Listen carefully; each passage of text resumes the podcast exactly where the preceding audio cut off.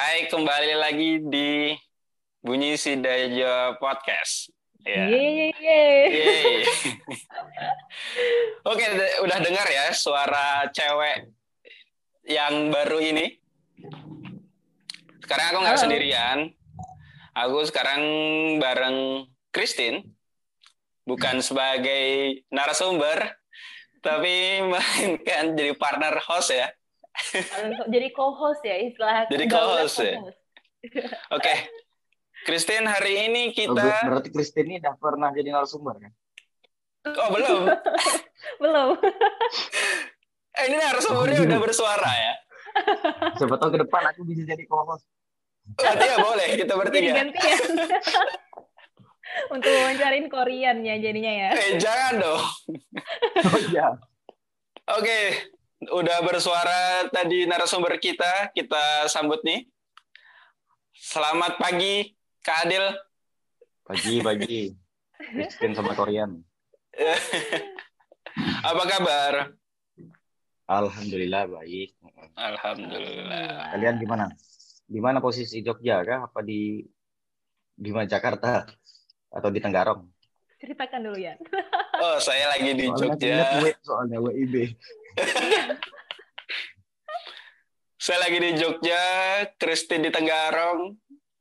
Oh. Baru baru nyampe yeah. lebih tepat tadi malam di Tenggarong. Jadi kemarin itu waktu ngontak Kak Adil, posisinya posisinya aku di Jakarta, Korean di Jogja, Kak Adil di Tenggarong.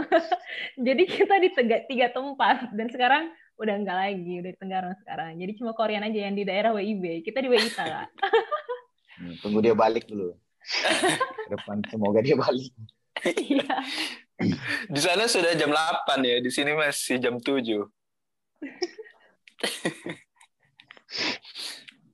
Oke, oke. Ya, mungkin udah banyak yang tahu lah ya, Kak Adil ini siapa. Ya. Fun fact-nya kita satu alma mater loh. Iya, aku dengar-dengar gitu. Oh, tahu. Sama-sama biru kan? Iya, sama-sama biru. Ini nggak boleh sebutin nama univnya ya? Eh, boleh dong. Oh, boleh. apa-apa. Kita bukan umum. bangga dengan UI. ya, Tapi UI. kita bertiga jatuhnya cah Jogja juga ya, sama-sama Jogja juga ya satunya. Oh iya. Nah, kamu kuliah di mana, Kin? Kalau aku di Atma, Atma Jaya Jogja. Atma Jaya. Oh. Iya. ya. Pokoknya sama-sama Tenggarong, sama-sama Jogja itu biasa ada ikatan. Wih. Iya, ya, akhirnya kita bertemu ya. Ini pertama kali kan kita ngobrol juga. Baru pertama kali banget. Pertama. Aku kenal Kak Adil juga baru sekarang. Aku tahunya cuma Ilmi sama Irma. Oh ya, itu tidak tidak terlalu terkenal kan dibanding adik-adik. Enggak dong, karena memang lingkungannya itu aja. Saya yang kurang bergaul ini. Oke, okay. Kak Adil, mm uh, kalau lihat Instagramnya Kak Adil ya, tadi kan Kak Adil juga bilang dulunya itu fokus ke pendidikan segala macam dan sekarang ke bisnis. Kita coba tarik ke belakang gitu ya. Melihat pos-posannya Kak Adil ini. Posannya tuh nggak di Indonesia, di mana-mana, di luar negeri ya. Sebenarnya nggak ada lu ngapain sih dulu? Jadi ceritanya itu namanya kita ini kan anggapnya orang orang orang ini ya apa ya kabupaten di Kalimantan yeah. lagi kan. Nah namanya punya mimpi itu kan eh, ya tinggi tinggiin aja dulu. Nah terus memang eh, dari dulu itu memang kami eh saya tuh fokusnya untuk mengembangkan diri gimana ikan itu di luar dari Kalimantan. Oh. Hmm. Nah, kemudian uh, memang mindsetnya tuh harus kuliah di Jawa karena Jawa itu udah sumber uh, pengalaman, sumber pendidikan semuanya. Akhirnya kuliahlah di uh, Jogja dan di Jogja itu kebetulan uh, di kampusku juga kebetulan peluang untuk berangkat ke luar negeri itu sangat besar. Hmm. Nah, berawal dari sebuah mimpi karena aku suka main bola. Uh, gimana caranya aku bisa datang ke Barcelona untuk lihat langsung lapangan Camp Nou. Uh, akhirnya uh, itulah impian pertama yang mendasari uh, berangkat ke alhamdulillah 12 negara uh, selama masih muda lah istilahnya. Ya jadi uh, di sana itu uh, singkat ceritanya kami itu uh, melakukan saya dua kali uh, pertukaran pelajar itu di Thailand. Kemudian uh, beberapa negara di Eropa itu melakukan uh, volunteer program uh, atau sukarelawan itu di bawah naungan ISEC.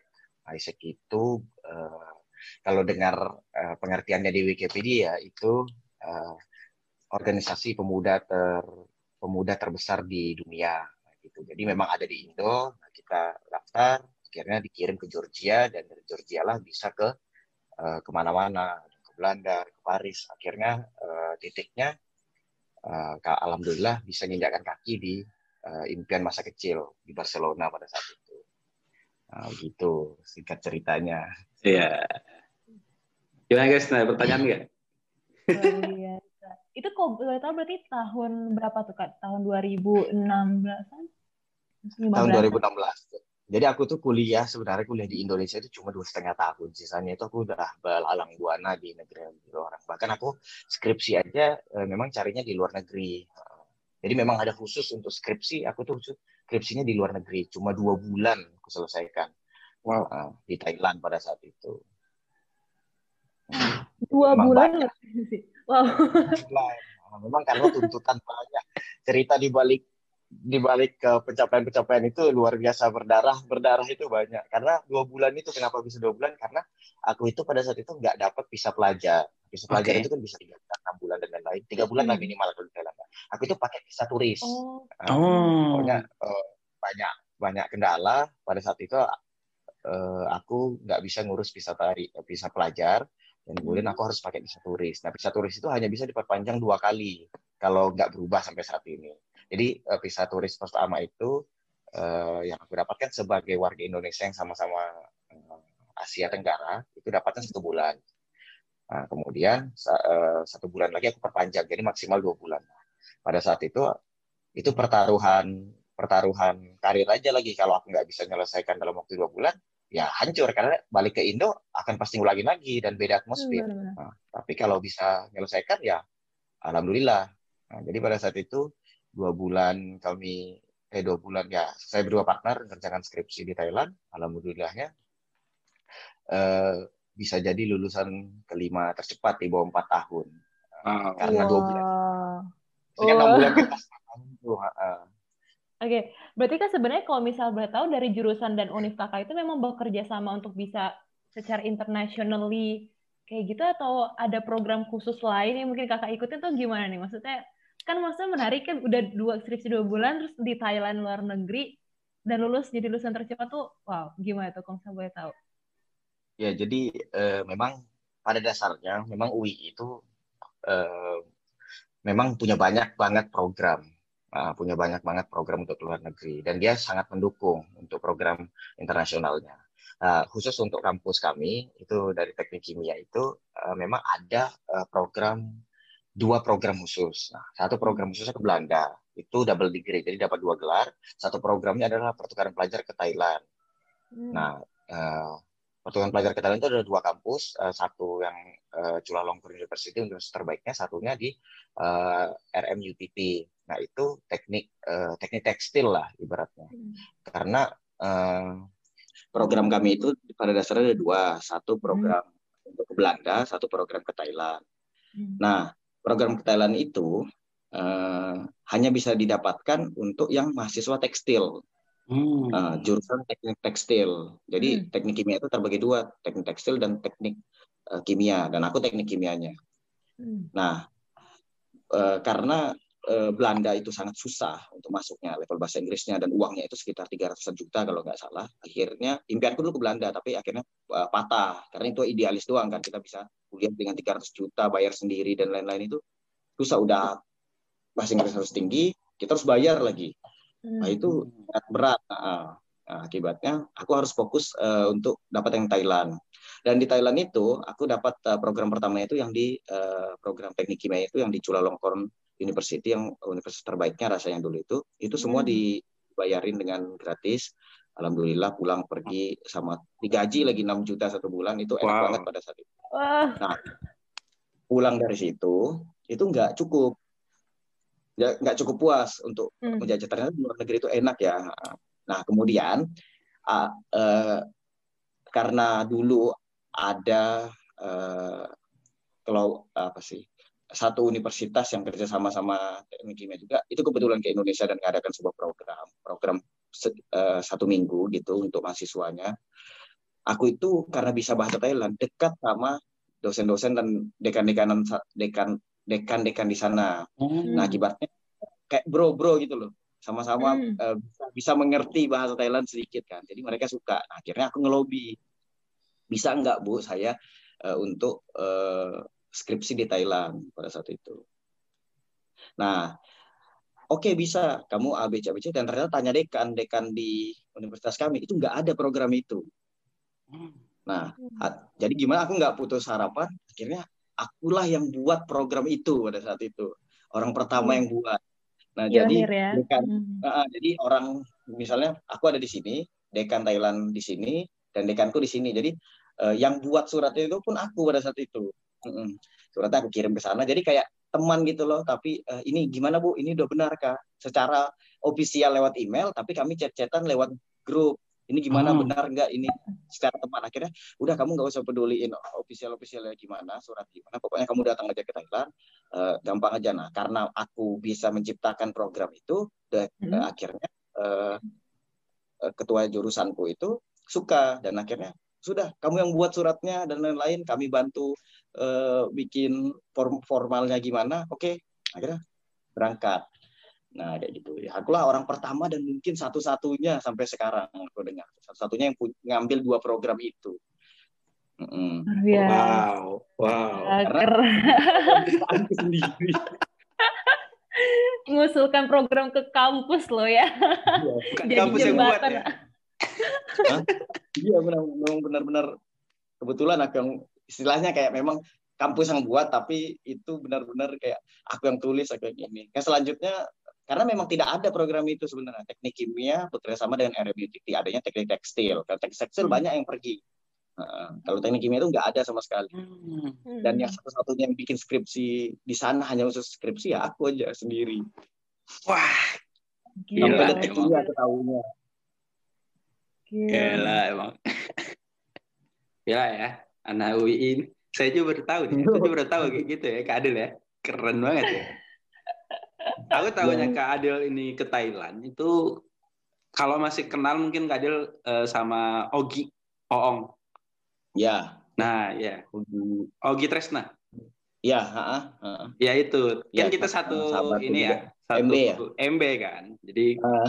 ya kamu kamu dari mana gitu kan. Nah, aku dari Tenggarong. Baru dia cerita lah tentang Kak Adil kan. Wow. Aku tahu tapi nggak perkenalan. Itu kakaknya Irma itu.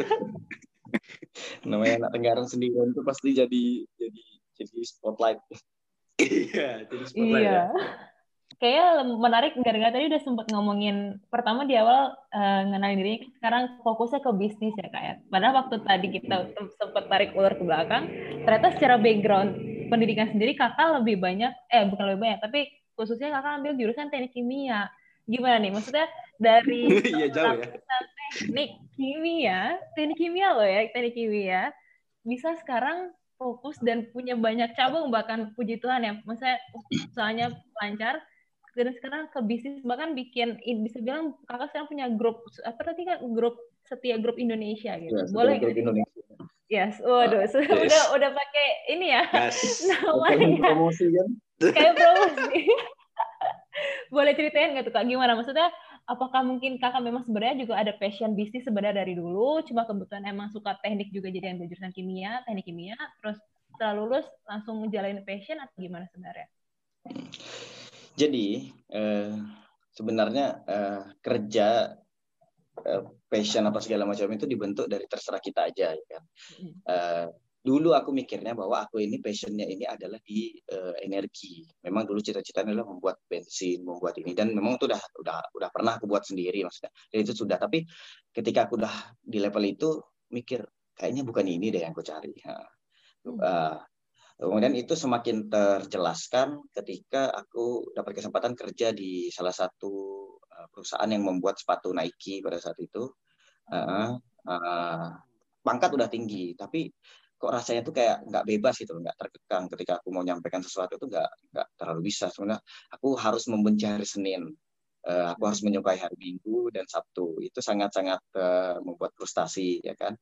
Pangkat uh, dan di perusahaan itu udah udah udah enak banget pada saat itu semua semua itu aman kayak gitu loh enak banget pangkat udah hampir jadi manajer pada saat itu sebelum uh, uh, akhirnya aku dulu men menyatakan diri untuk resign dan aku ditahan kalau kamu nggak resign kamu jadi manajer nah karena aku terkekang aku memilih untuk lebih bebas nah, kayaknya bisnis itu adalah salah satu uh, passion hidup kayaknya aku baru kayaknya aja karena kayaknya hmm. kalau di mana pun kita kerja, kita akan selalu berpikiran yang sama. Kita membenci hari Minggu dan iya. Sabtu. Itu kalau orang yang yang yang yang uh, inginnya bebas ya. Yeah, yeah. Kalau inginnya diatur aja, ya mungkin uh, fine fine aja ya kan. Nah kemudian dia memutuskan untuk resign. Uh, akibatnya uh, memulailah bisnis pertama. Nah ternyata memang benar kita bisa bangun seenak-enaknya, bisa kerja seenak-enaknya dan lain-lain. Dan tapi kan itu hanya sebuah uh, sebuah uh, gambaran bisnis itu kan hmm. tidak seenak gambaran uh, kita ngelihat di video atau di TV atau gimana. Itu kan yang ditujukan hanya suksesnya. Nah ternyata bisnis itu harus dilakukan kurang lebih tiga tahun fokus. Nah, untuk bisa hmm. mencapai suksesnya. Nah, dan aku memulai bisnis dari nol. Nah, tahu satu sampai tiga tahun adalah titik paling struggling yang pernah aku dapat di dalam hidup lebih daripada kuliah. Wow. Itu benar karena itu benar-benar dunia nyata di mana kamu harus bertaruh uh, apa yang kamu lakukan hari hari ini bisa memberikan makan di kemudian hari. Nah, hmm. seperti itu. Nah, kemudian sampailah di titik ini uh, dan titik inilah uh, adalah yang aku ucap sebagai passionku di mana aku bisa uh, punya tim, uh, punya uh, apa uh, ya tim gitu terus uh, bisa mengatur waktu sendiri kayak sekarang kan hari Senin ya kita hmm. bisa podcast iya, iya. benar benar benar uh, harusnya kalau misalnya orang karyawan nih lagi kerja nih kita ganggu lagi mau OTW kerja nih mau OTW kerja ini dan dan syukurnya bukan hanya kita bisa mengeluarkan waktu untuk uh, podcast tapi ada orang yang sedang bekerja untuk memberikan kita uang seperti itu. Iya. Jadi kita dapat uang dan waktu pada saat podcast. Bersama. Nah, itu kan benar juga ya. Tetap jalan, muter ya semuanya di dalam waktu yang bersamaan ya. Iya begitu. Okay. Adil. Itu locationku. Uh-huh. Awalnya buat usaha itu tahun berapa? Kalau nggak salah tuh, yang aku tahu ya, itu Barokah. Kak. Apakah sebelumnya ada lagi? Sebelumnya ada lagi. Aku tuh gagal hampir 12 atau 13 usaha. Wow. Pokoknya lebih dari 10 lah. Uh, jatuh bangun itu uh, karena pertama kali itu namanya uh, kembali clothing. Uh, itu jualan baju, uh, jualan baju distro. Nah, pertama-pertama kali uh, biasa penyakit orang-orang pengusaha pemula itu adalah uh, idealis. Yeah. Idealis di atas segala-galanya. Jadi ya itu kita mau bikin itu brand yang bagus, keren dan lain-lain, tapi nyatanya tidak menghasilkan uang karena mm uh, fokus utamanya adalah berbisnis itu kan menghasilkan uang dan waktu, bebas finansial dan bebas waktu ya kan. Nah, cuma uh, bukan bebas pemikiran bisnis itu. Nanti kalau kamu udah punya waktu dan uang barulah kamu idealis. Seperti itu sebenarnya. Nah, di awal-awal aku berbisnis itu ya konsepnya idealis, kita harus buka uh, keren nih kita buka uh, baju kayak Erigo yeah. ya oh. keren nggak mereka. Kita kan ngeliat keren-kerennya aja. Kita nggak pernah ngeliat berapa banyak stok uh, ratusan juta stok yang ada di gudangnya sekarang. Kenapa dia sampai keliling-keliling uh, menjual ada diskon dan lain-lain. Kan kita nggak pernah tahu permasalahan di dalamnya apa. Nah, nah makanya uh, kita kan ngeliat enak-enaknya aja. Nah, di awal kali berbisnis, eh, hampir 12 kali jatuh bangun itu eh, untuk membangun mental dan eh, pola pikir. Nah, akhirnya di bisnis sekarang, kita, eh, setiap grup Indonesia itu punya rumus, rumus pola cara berbisnis. Dan itulah yang kami terapkan di di bisnis-bisnis baru kami sekarang. Contohnya di ayam eh, susu setia itu kan udah kita tahu nih polanya. Oh, dari bangkit dari kegagalan, kita udah dapat polanya. Nah, kita terapkan di ayam setia.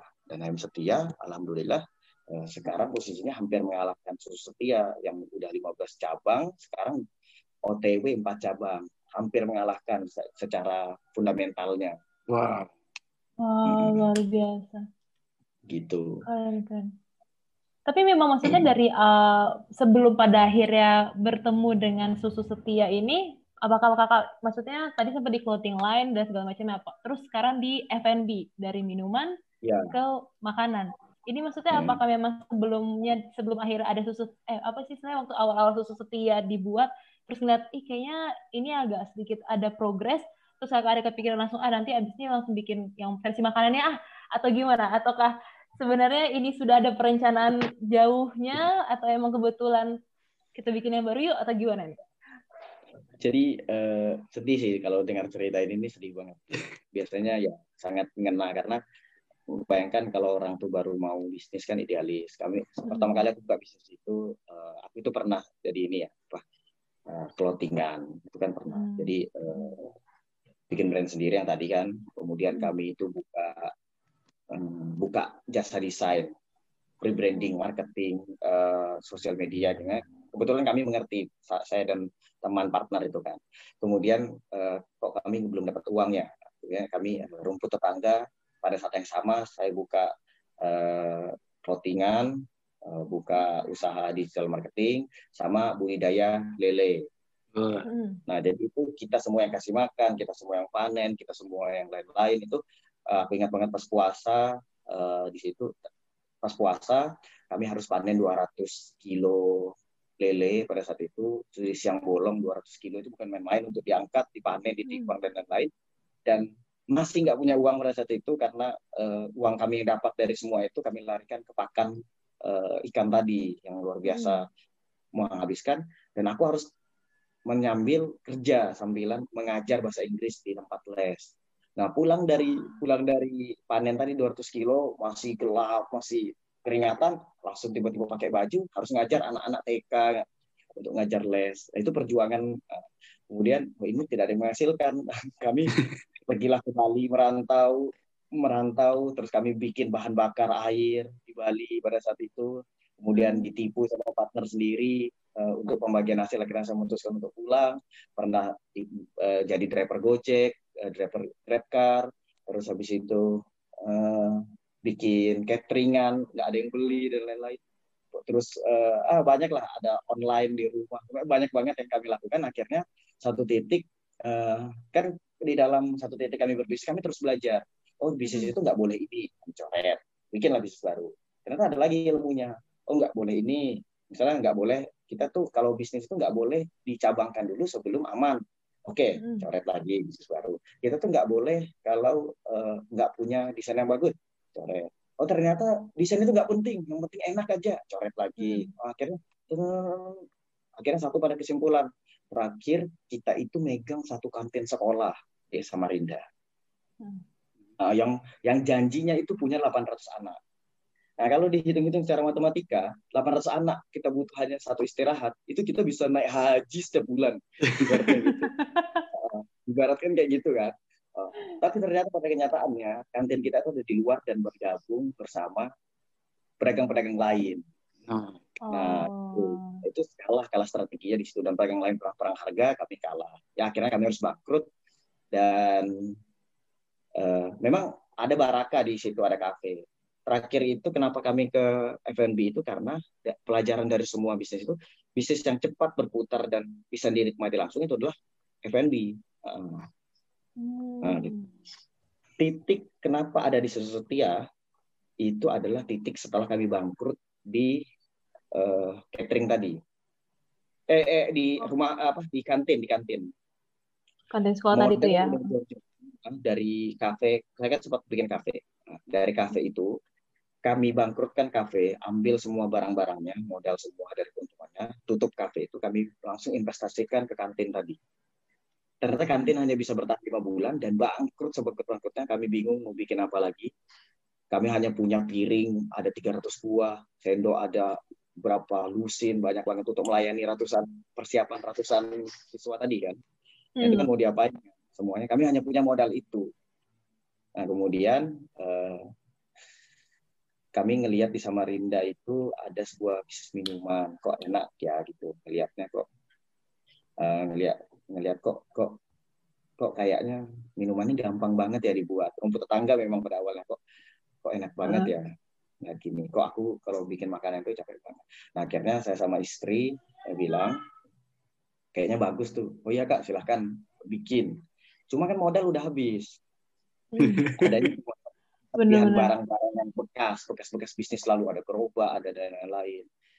Nah, akibatnya eh, kami bikinlah seadanya dulu di gerobak yang kecil, bekas gerobak telur gulung. Dulu aku punya bisnis telur gulung, kami print lah kertas A3, eh apa F4, kertas biasa kami tempel pakai lem untuk jadikan mengganti nama gerobak itu kan. Hmm. Ya, itulah awal mulanya titik kepasrahan istilahnya kayak ya udahlah kita bisnis ini semoga kalau ada yang beli ya beli kalau nggak ada ya kita pasrah aja gitu aja pokoknya pasrah aja akhirnya ya meledak pada saat itu. Hari pertama aja langsung satu jam itu habis langsung. Nah, kita sampai bingung kok bisa gini ya?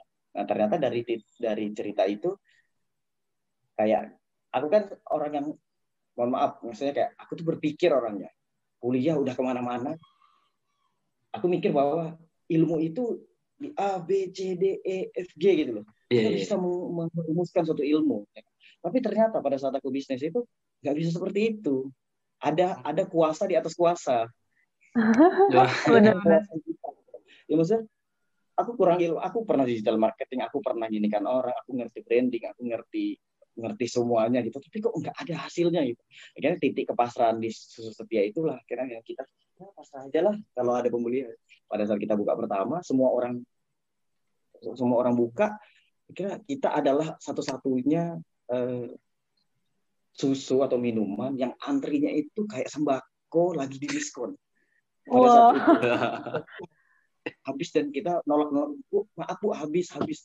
Terus saya sama partner bilang serius nih kita nggak kita dulu nggak pernah gini seharian untuk dapat seporsi ini ini satu jam aja. Emang ini ya titik baliknya? Akhirnya sampai sekarang gitu. Modal kepasrahan. Wow. Wow, panjang ya kisah di balik susu setia yang terkenal di Tenggarong ini. itu kamu itu, ini belum dramatisnya. Ketika aku bangkrut di kantin itu bayangkan ya mm -hmm. kami bangkrut di kantin kemudian uang itu udah nggak punya terus umur udah terlalu tua untuk mencari kerja ya kan? Istri saya keguguran karena harus berjuang struggling sama-sama di detik itu juga istri keguguran terus kita udah nggak punya modal terus pak kiri kanan udah cibir. Benar kan? Nah, orang tua partner udah hmm. bilang makanya kerja aja. Udah nggak usah hmm. gitu. Orang tua udah udah ngebantu ini kalau ada uang ini aku ada uang gak nggak nggak mak gitu. Nggak mak. Ya, aku bisa sendiri. Itu udah di titik yang benar-benar kayak apa aku salah ya bisnis ini ya? Terlalu idealis. Apa kayaknya aku harus kerja aja gitu. Ya, nah, akhirnya kami buka susu itu dan ada ada uh, background di baliknya. Ding ding ding ding.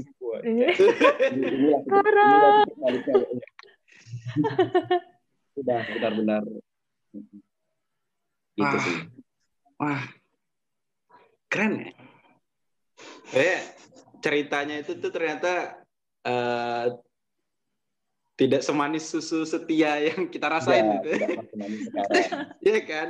Ternyata di belakangnya itu panjang dan banyak ceritanya gitu loh. Dan ini menarik banget gitu. Sudah ada susu setia, terus ada ayam setia. Selanjutnya mau apa lagi, Kak? Apakah pengen dibuat kayak McD? ya, jadi memang setia grup Indonesia itu sekarang ownernya udah bertambah dari dua orang jadi empat orang. Oke. Okay.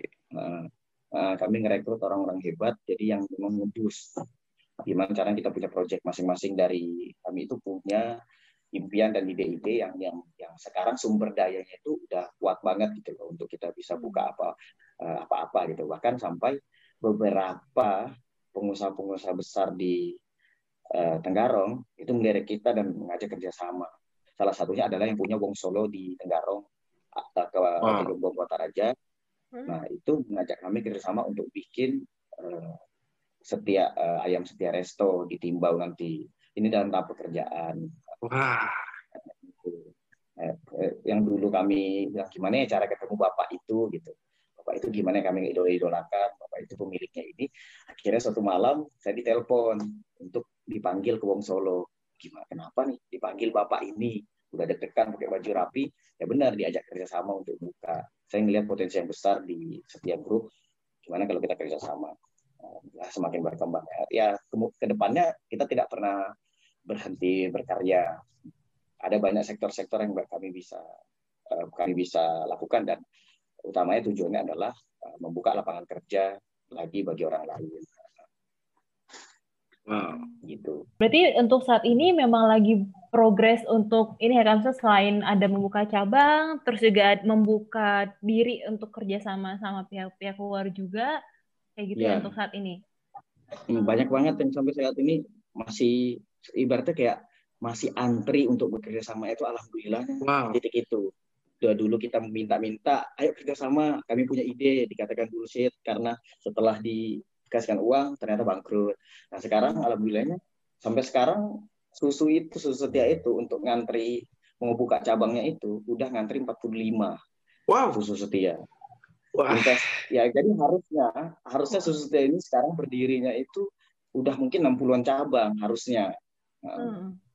nah, terus kita terhambat eh, bahan baku karena corona ini udah ya sangat susah bahan baku karena ada karantina barang bla bla bla dan lain-lain. Peraturan kesehatan akibatnya produksi terhambat di Jakarta. Karena bahan baku kita dari Jakarta.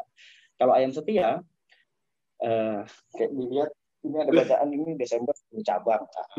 Nah itu itu terhambat terhambat eh, eh, apa diri kita. Jadi eh, kayak kita lagi membentuk tim tim yang untuk mengerjakan ini nah, karena memang setiap grup itu yang benar-benar cepat banget.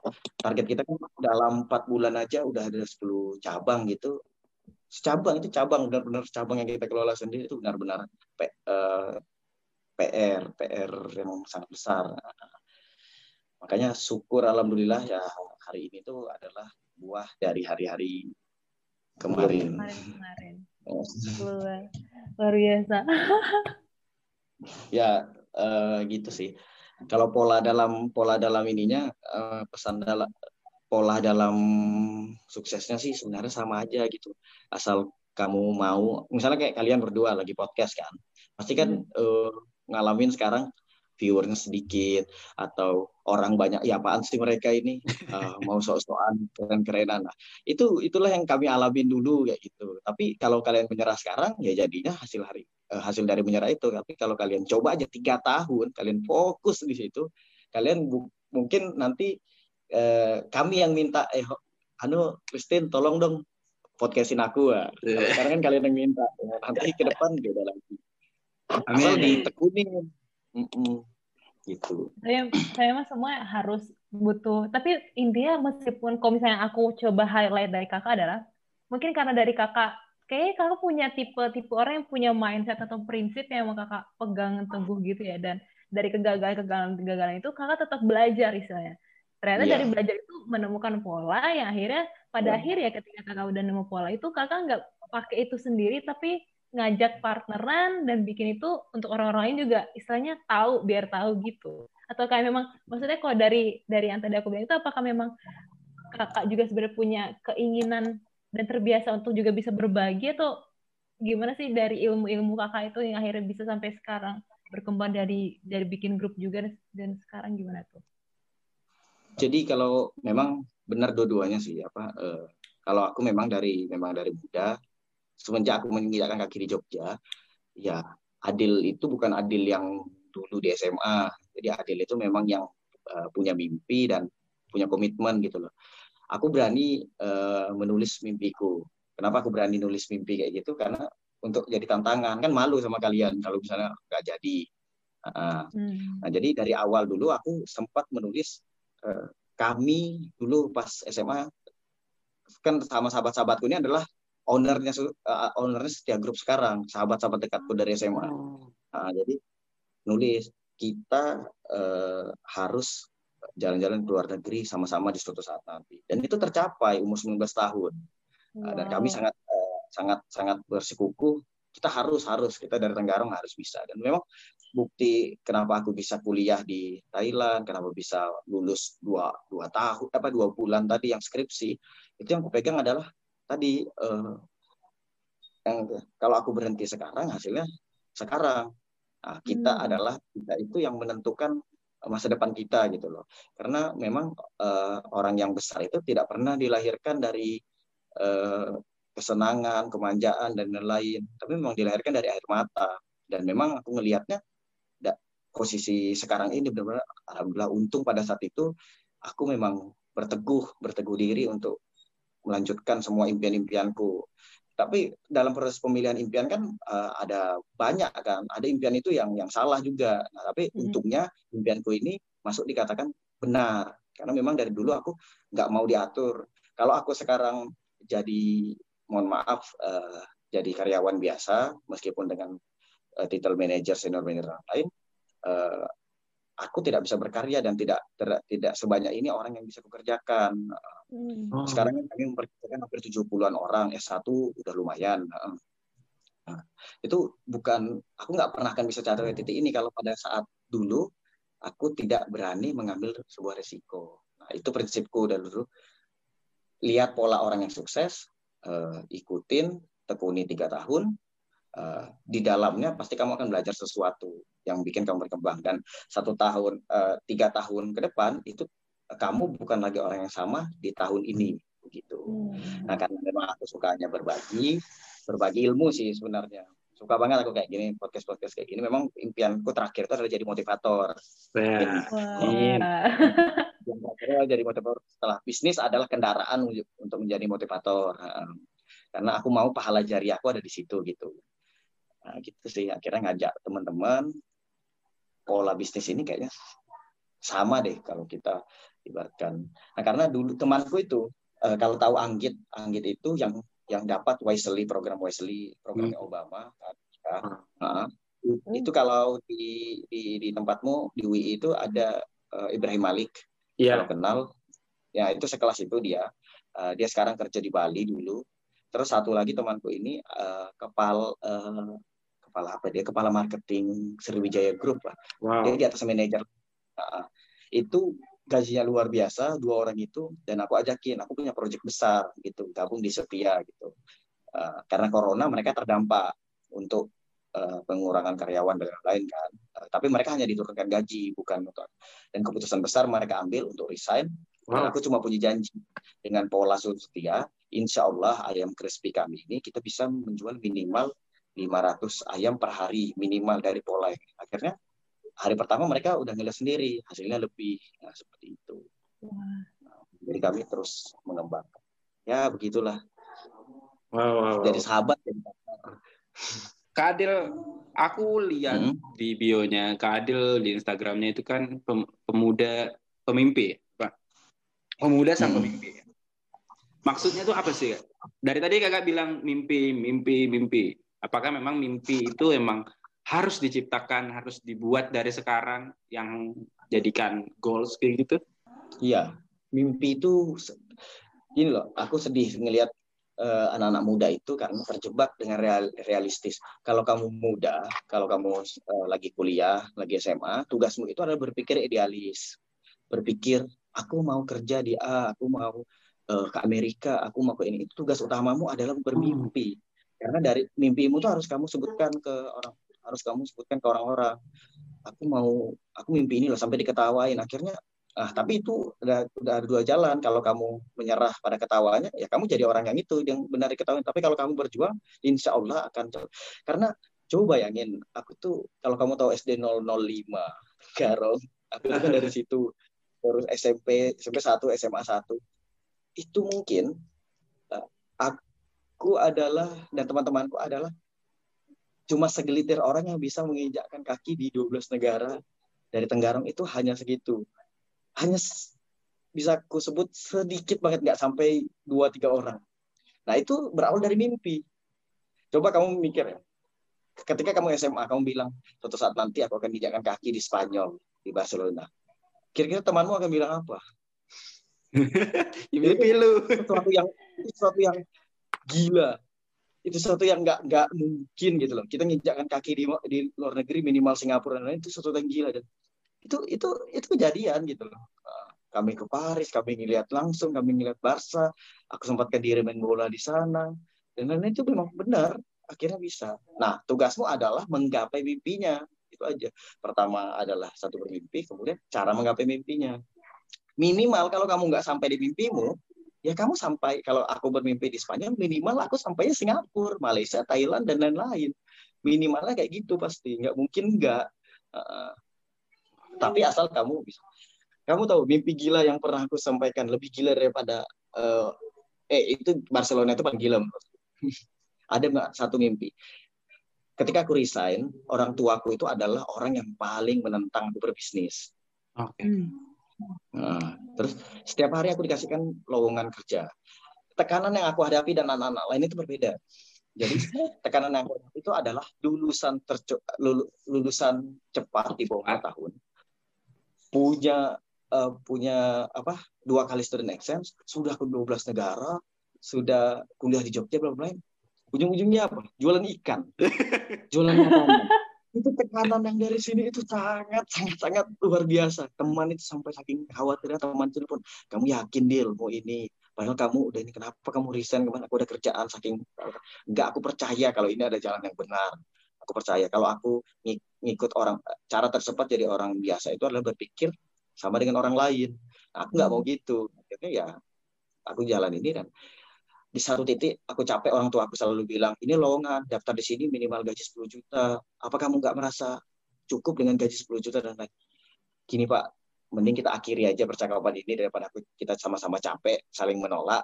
Gini aku jelaskan semua mimpiku dan lain-lain. Aku buat orang tua aku mengerti planku dan lain walaupun hasilnya masih nol. Nah, hmm. ini mungkin tips bagi yang sekarang yang sedang berusaha ditentang orang tua dan lain-lain. Aku bilang ke orang tuaku pak aku itu tidak bermimpi untuk gaji 10 juta. Lah, gimana dong? gajiku itu maunya 100 juta sebulan, Pak, minimal. Orang tua aku tambah gila. Apa nih? Apa nih? minimal aku punya gaji itu 100 juta, Pak, sebulan. Itu impianku.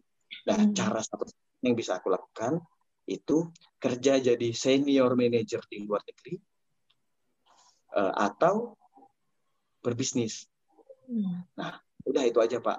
Terus, nah ini kan nggak masuk logikanya kan. Nggak ada orang bisa gaji 100 juta itu hanya di TV. Bahkan Pertamina, mungkin kalau nggak salah Pertamina itu gajinya cuma puluhan juta. Nah, itu nggak mungkin. Nah, saya bilang, Pak, aku sulit menjelaskan karena kita beda pemikiran. Gini aja Pak, daripada kita capek dua-duanya. Uh, aku capek menolak, Bapak capek membujuk, ya kan? Beri aku hmm. waktu tiga tahun. Kalau tiga tahun dari sekarang aku nggak berhasil, silah aku masih bisa daftar kok Pak. Kemarin aku supervisor di sini aku masih bisa daftar. Minimal minimal aku jadi pekerja karyawan biasa staff di mana nggak masalah Pak. Yang penting aku bekerja aku sudah punya pengalaman gitu. Tapi kalau dalam tiga tahun eh, tapi dalam proses tiga tahunnya tolong biarkan aku fokus jangan diganggu ya. Detik itu bapakku setuju uh, detik itu bapakku setuju dan membiarkan. Akhirnya semua keluargaku hampir rata-rata ngikut aku jadi bisnis. Wah. Wow. sampai sekarang berubah prinsipnya, udah nggak usah kerja, bisnis aja. Udah nggak usah kerja. jadi jadi kebalikannya ya. Iya, Keren ya. kebalikan. Wah. Jadi mimpi kayak gitu. Bermimpi dulu, baru kita Nah, Benar. usahanya pastinya dan percaya ya. Maksudnya dari tadi Kak, Kak Adel juga uh, selain punya mimpi tapi juga percaya kalau bisa gitu bakal dapetin mimpi itu. Iya, iya. Karena kalau misalnya kita bermimpi, kita punya tujuan lah ya berarti kayak ya. pengen mencapai hmm. itu gitu kan. Entah kayak mana nanti caranya, yang penting kita punya ya. tujuan ya. dulu kan. Karena hidup itu kan ya. harus ada tujuan, ya nggak sih kak? Ya kakak kan? Itu harus loh. Eh, itu harus ya kak ya? Hmm. Ya susu setia dan ayam setia kan sekarang udah terkenal lah di Tenggarong. Nah, kalau misalnya kita ngelihat dulu-dulu nih Tenggarong itu kan uh, ya selama aku hidup di Tenggarong lah ya, belum ada yang yang booming boom gitu banget kan ya. Yang aku baru baru dengar banget tuh susu setia lah, gitu. Nah, dengan lah iya kan. dengan boomingnya ini, uh, apakah ini jadi gerbang buat teman-teman di Tenggarong bahwa uh, pengusaha atau usaha-usaha kayak F&B kayak susu setia ataupun ayam kayak gini akan terus berkembang dan menjadikan Tenggarong mungkin ataupun sekitar wilayahnya di Kutai Kartanegara gitu uh, akan memunculkan pengusaha-pengusaha baru yang mungkin le, apa punya punya usaha di bidang-bidang lain gitu dan bisa jadi booming juga gitu. Ya, pasti karena semua orang kan uh, kita dulu hidup dulu dulu ya pas zamanku masih ano zamanku masih SMA kita dulu hidup itu masih di angka pengusaha itu masih ya masih yang dua tiga persen yang masih dua tiga persen secara angka tapi benar-benar uh, tujuan utama kita itu adalah kerja gitu loh. Nah ya, ya. baru-baru ini aja yang benar-benar karena pengusaha itu di, gini-gini kan kan akibatnya banyak orang yang sambilannya itu jadi pengusaha walaupun secara angka tidak tercatat. Uh, oh. Dan itu berkat ya, semua orang yang sedang sedang uh, membuming-bumingkan. Uh, karena kan mereka nggak mungkin nyontoh, uh, ngapain mereka nyontoh orang yang tidak sukses kan? Uh, mereka pasti nyontoh yang sukses.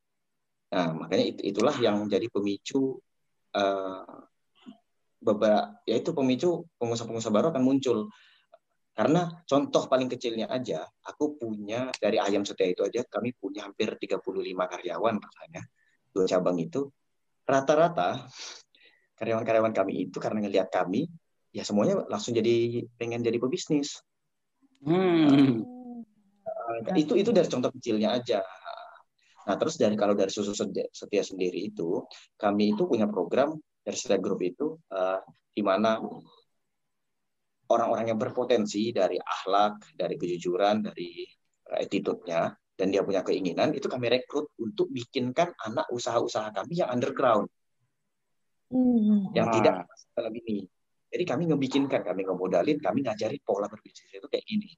Uh, kita bagi hasil sehingga saya, kami senang, kamu juga senang nggak nggak cuma jadi uh, nggak cuma jadi karyawan biasa, tapi kami lagi kami tetap terus mencari. Ada beberapa anak yang sudah sekarang uh, kita bikinkan untuk dalam dalam proses. Uh, nah itulah uh, bentuk komitmen kami. Uh, kami menciptakan juga kami ciptakan lapangan kerja, kami juga menciptakan pengusaha sehingga nanti hmm. target kami ke depannya adalah pengusaha itu bukan jadi lawan, kita tuh sebagai kawan. Jadi di mana-mana itu kita saling me menyupport gitu loh. Hmm. Mau jadi raja, raja.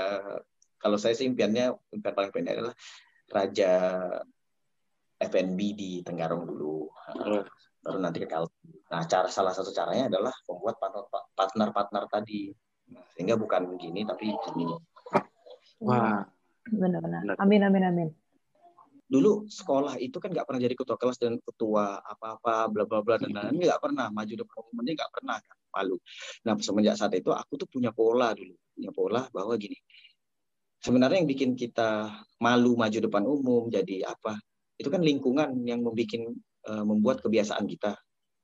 Lingkungan yang yang yang mengekang kita tuh jadi oh si Adil ini bukan orang yang bukan orang yang pemimpin kok. Akibatnya pas kita maju dalam kelas ih ngapain dia maju? Beda sama orang yang udah mimpin ah, dia pantas maju. Hmm. ke oh iya, ya, anu nggak?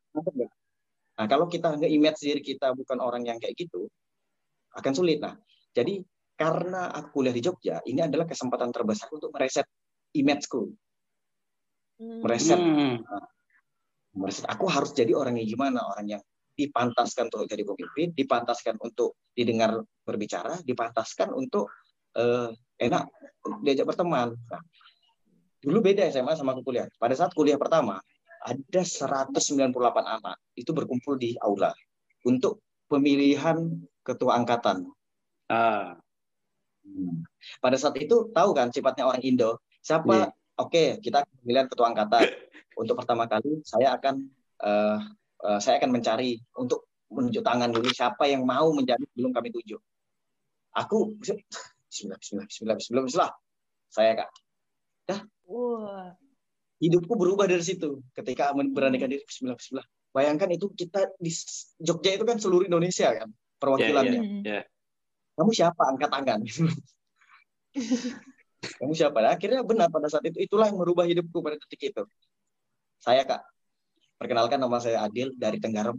apa kucing garong ketahuan semuanya tenggarong nggak ada uh, kalau nggak tahu tenggarong tukar jembatan runtuh uh, baru semuanya tahu tata tata tata kira tenggarong nah, keyword kenapa jembatan runtuh ya? kenapa Ogi bisa kenal aku? Karena itu tadi aku adalah satu-satunya orang Tenggarong yang punya aksen wadakle wadakle wadakle punya aksen bla bla bla anu di sana dan dari ikonik. Nah makanya setiap aku ngomong di sana aku adalah ketua angkatan aku dari ini personal branding akhirnya apa-apa ditunjuk kampus itu aku. Kayak pas ada tamu dari Thailand nah mulai dari situ. Bayangin kalau pada saat detik itu aku nggak berani untuk gini. Yeah. Coba bayangin, itu hanya satu satu titik yang merubah hidup kita. Akhirnya aku dipanggil untuk speech di depan, melatih public speakingku, melatih ngomong. Uh, nah dan dan kemampuan-kemampuan leadership yang aku punya itulah yang aku gunakan sebagai modal ketika berbisnis. Kita punya karya apa? Uh, kita punya karyawan banyak, itu harus dengar omongan kita. Gitu. Nah kurang lebih Wah. itulah mental yang kutanamkan. Keren. Karena keberanian mau mau merubah diri gitu ya. Aku mau berubah gitu aku mau jadi sesuatu. Intinya istilahnya benar sih misalnya kita kan bisa bilang dibilang kita kan anak Tenggarong ya. Ketika kita keluar kuliah keluar Jawa itu kan ada kadang pemikiran kayak aduh kita kan anak uh, kabupaten emang ada yang tahu kita kan, yeah. kan ada perasaan kayak pesimis takut takut gitu yeah, kan. padahal sebenarnya gitu ya? satu sisi Hmm, benar satu sisi ketika kita di kota baru yang kita gak ada kenal sama sekali itu kan orang juga nggak tahu siapa kita kan. Justru itu yeah. bisa jadi kesempatan untuk kita bikin kita ini mau jadi siapa kayak tadi kata Kak Adil. Benar sih Hebatnya itu kan hebatnya. Kalau kalau kalau sudah terlanjur tua. kalau mau mulainya pas SMA, SMA balik ke kuliah. Nah, tapi nanti mungkin di kerjaan, di tempat kerja yang baru atau di tempat ini jadi pribadi yang baru bisa asal konsisten. Uh, memang semuanya itu dari diri sendiri. Semuanya itu memang harus diawali dari diri sendiri, itu kan bukan orang lain tapi diri sendiri kayak. Benar. Selain mau bikin susu setia dan ayam apa ayam setia, nggak mau bikin video lagi kak, yang dubbing-dubbing. ya itu. kamu stalker sama ya itu kan proses mencari jati diri dulu. Gimana? Kayaknya aku cocoknya jadi aku pernah stand up. Wow. aku pernah stand up aku pernah pernah dan lain-lain dan stand up gagal pernah ini ya itu itu proses mencari jati diri. Nah kalau prinsipku itu adalah lebih baik kamu sekarang melakukan apa-apa tapi salah daripada kamu tidak melakukan apa-apa. Ya Wah, karena benar. melakukan melakukan apa-apa tapi salah di kesalahan itu pasti ada ilmu. Uh, uh, pasti hmm. ada sesuatu yang yang bikin. Karena kamu nggak mungkin tahu kalau itu benar kalau sebelum kamu salah itu pasti. Aku pernah stand up itu dulu dulu dulu dulu dulu kan mikirnya gini apa pokoknya prinsipku hidup itu aku harus mencoba semuanya. Nah, mencoba semuanya itu gimana cara cara tahunya itu gimana. Minimal kita harus tahu aja gitu. Jadi kalau kita ngobrol sama orang-orang itu kita ngerti itu loh kita nyambung itu nggak orang yang uh, kita nggak cocok. Kita ngerti itu loh. Nah, jadi pada saat itu misalnya uh, uh, kita apa tadi? Contoh oh. ya coba-coba misalnya coba-cobanya uh, yang stand up. Ada kompetisi stand up. Kayak stand up dulu lagi keren kan? Iya iya. iya uh, open mic yang lagi keren. Lah oh kayaknya keren nih kayak open mic ya coba stand up. Di sana satu kafe itu nggak ada yang ketawa dan ada yang ketawa Allah Jadi kita turun perasaan malu, malu. Nah, nah, pada saat itu ya detik itu, oh berarti bakat kita bukan di situ, bakat kita bukan di situ. Atau pak kita eh, kita belajar bahwa persiapan itu adalah segalanya. Nah, mm. Terus kita coba lagi, ya tadi dubbing tadi kan, mm. tadi. Oh ternyata kita nggak bisa konsisten. Kita ada suara kayak. Nah, oke. Okay. Oke. Okay. Oh. Ah, tadi sampai mana lagi tadi? Silang suara.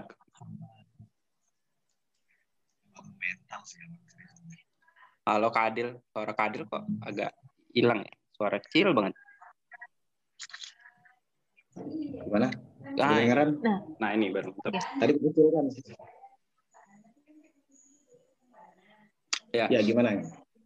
Ya terakhir sih dari aku uh, Kak Adil punya apa namanya mimpi ya dari waktu kuliah udah punya mimpi besar, sekarang sudah tercapai dengan tadi jalannya luar biasa banget ya. Dengan nangis darah lah segala macamnya. Ke depan mimpi besar apa lagi yang pengen kakak capai yang mungkin itu gila juga? Kalau hmm, mungkin kalau emang iya gitu, emang bisa gitu. Ada lagi nggak sih? Apakah ya. mimpinya akan bersedia, ya, setia ini? Jadi mimpi kami itu uh, ke depan, uh, kalau dari Setia Group itu semoga kalau ini adalah bisnis yang bisa membawa kami ke depan, uh, kami pengen ada nama Setia Group Indonesia itu tertempel di Jakarta itu loh di gedung-gedung tinggi wow. kayak BCA uh, gitu, sehingga korporat utamanya misalnya nanti PT uh, sekarang kan baru CP PT Setia Group Indonesia itu uh, tertempel di situ. Nah kemudian kalau mimpi dari pribadi itu mimpi besarnya uh, saya itu bisa bikin uh, apa kayak roadshow gitu loh uh, wow. perjalanan itu uh, dan dari situlah uh, akhirnya nanti uh, di umur yang udah 40-an ke atas itu udah nggak mikirin itu lagi udah bisa jalan-jalan kayak menikmati hidup benar-benar nggak usah mikir bisnis. Terakhirnya bisa jadi investor aja gitu. Tapi di muda sampai ke ini maunya jadi motivator dulu. Jadi berbagi dulu kumpulin. Jadi sekelas kalau ibaratkan anunya kalau pembicara bisnis kan banyak tuh. Kayak hmm. uh, kayak gitu kan. Yeah, yeah. atau kalau dari psikologinya mungkin Mario Teguh. Yang bisa golden ways Nah, jadi itu sih mimpi-mimpi besarnya. Nah ini kan bertahap nih pelan-pelan. Kayak sekarang lagi membangun. Ah. Gitu. Jadi nanti pengen financial freedom ya? Ya, karena uh, target kami 2022 itu tembus nasional brandnya ini. Wah. Amin, amin, amin. Kita berdua akan selalu mendukung pasti ya, Kak? Oh iya. Kita akan mendukung menjadi rekan perjalanan, melihat perjalanan ke Adil. Oh, sama nanti kita uh, di episode selanjutnya kita akan wawancara kali langsung ke Jakarta gitu kan. Iya, iya. Kita beda lagi. Iya. Nggak mungkin kita nggak online, langsung offline ya. Iya. Amin. Biar asik. Tadi kan mimpi kakak secara besar untuk setiap grup Indonesia dan dari pribadi kakak. Kalau misalnya dari, mungkin apakah kakak juga ada harapan untuk teman-teman sesama muda di Tenggarong mungkin juga, atau harapannya untuk uh, bisnis-bisnis yang lagi ada di Tenggarong juga, apakah kakak punya harapan untuk mereka juga atau apa ada impian lain juga mungkin yang sempat terbesit juga kayaknya. Semoga untuk di Tenggarong ini kakak mau apa kayak gitu. Apa ada gitu? Ya jadi memang uh, impian-impian dari sosialnya itu uh, pertama satu uh, pastinya bisa jadi motivasi ya. Karena hmm. selama ini kan kita brand-brand itu cuma dari Jawa dari Jawa hmm. masuk ke ini dan mereka kita semuanya ngikut brand Jawa brand dari maksud Jawa dari luar Kalimantan lah. Nah memang itu terjadi ketika uh, Susetia itu pun dianggap brand dari luar dianggap aku itu franchise dari luar. Uh, karena nggak mungkin bisa segitunya. Nah akhirnya itu bisa jadi motivasi untuk uh, semuanya lah bahwa anak Tenggarong aja bisa gitu. Uh, nah memang uh, di samping dari itu pihak kontribusiku itu memang sampai saat ini belum bisa kesampaian gitu. Aku masih butuh tim uh, untuk uh, membentuk uh, anak-anak muda Tenggarong itu biar jadi apa gitu loh. Jadi aku tuh punya punya dulu tuh punya impian milenial berilmu gitu. Aku udah buat Instagram tapi nggak bisa jalan karena sibuk kan.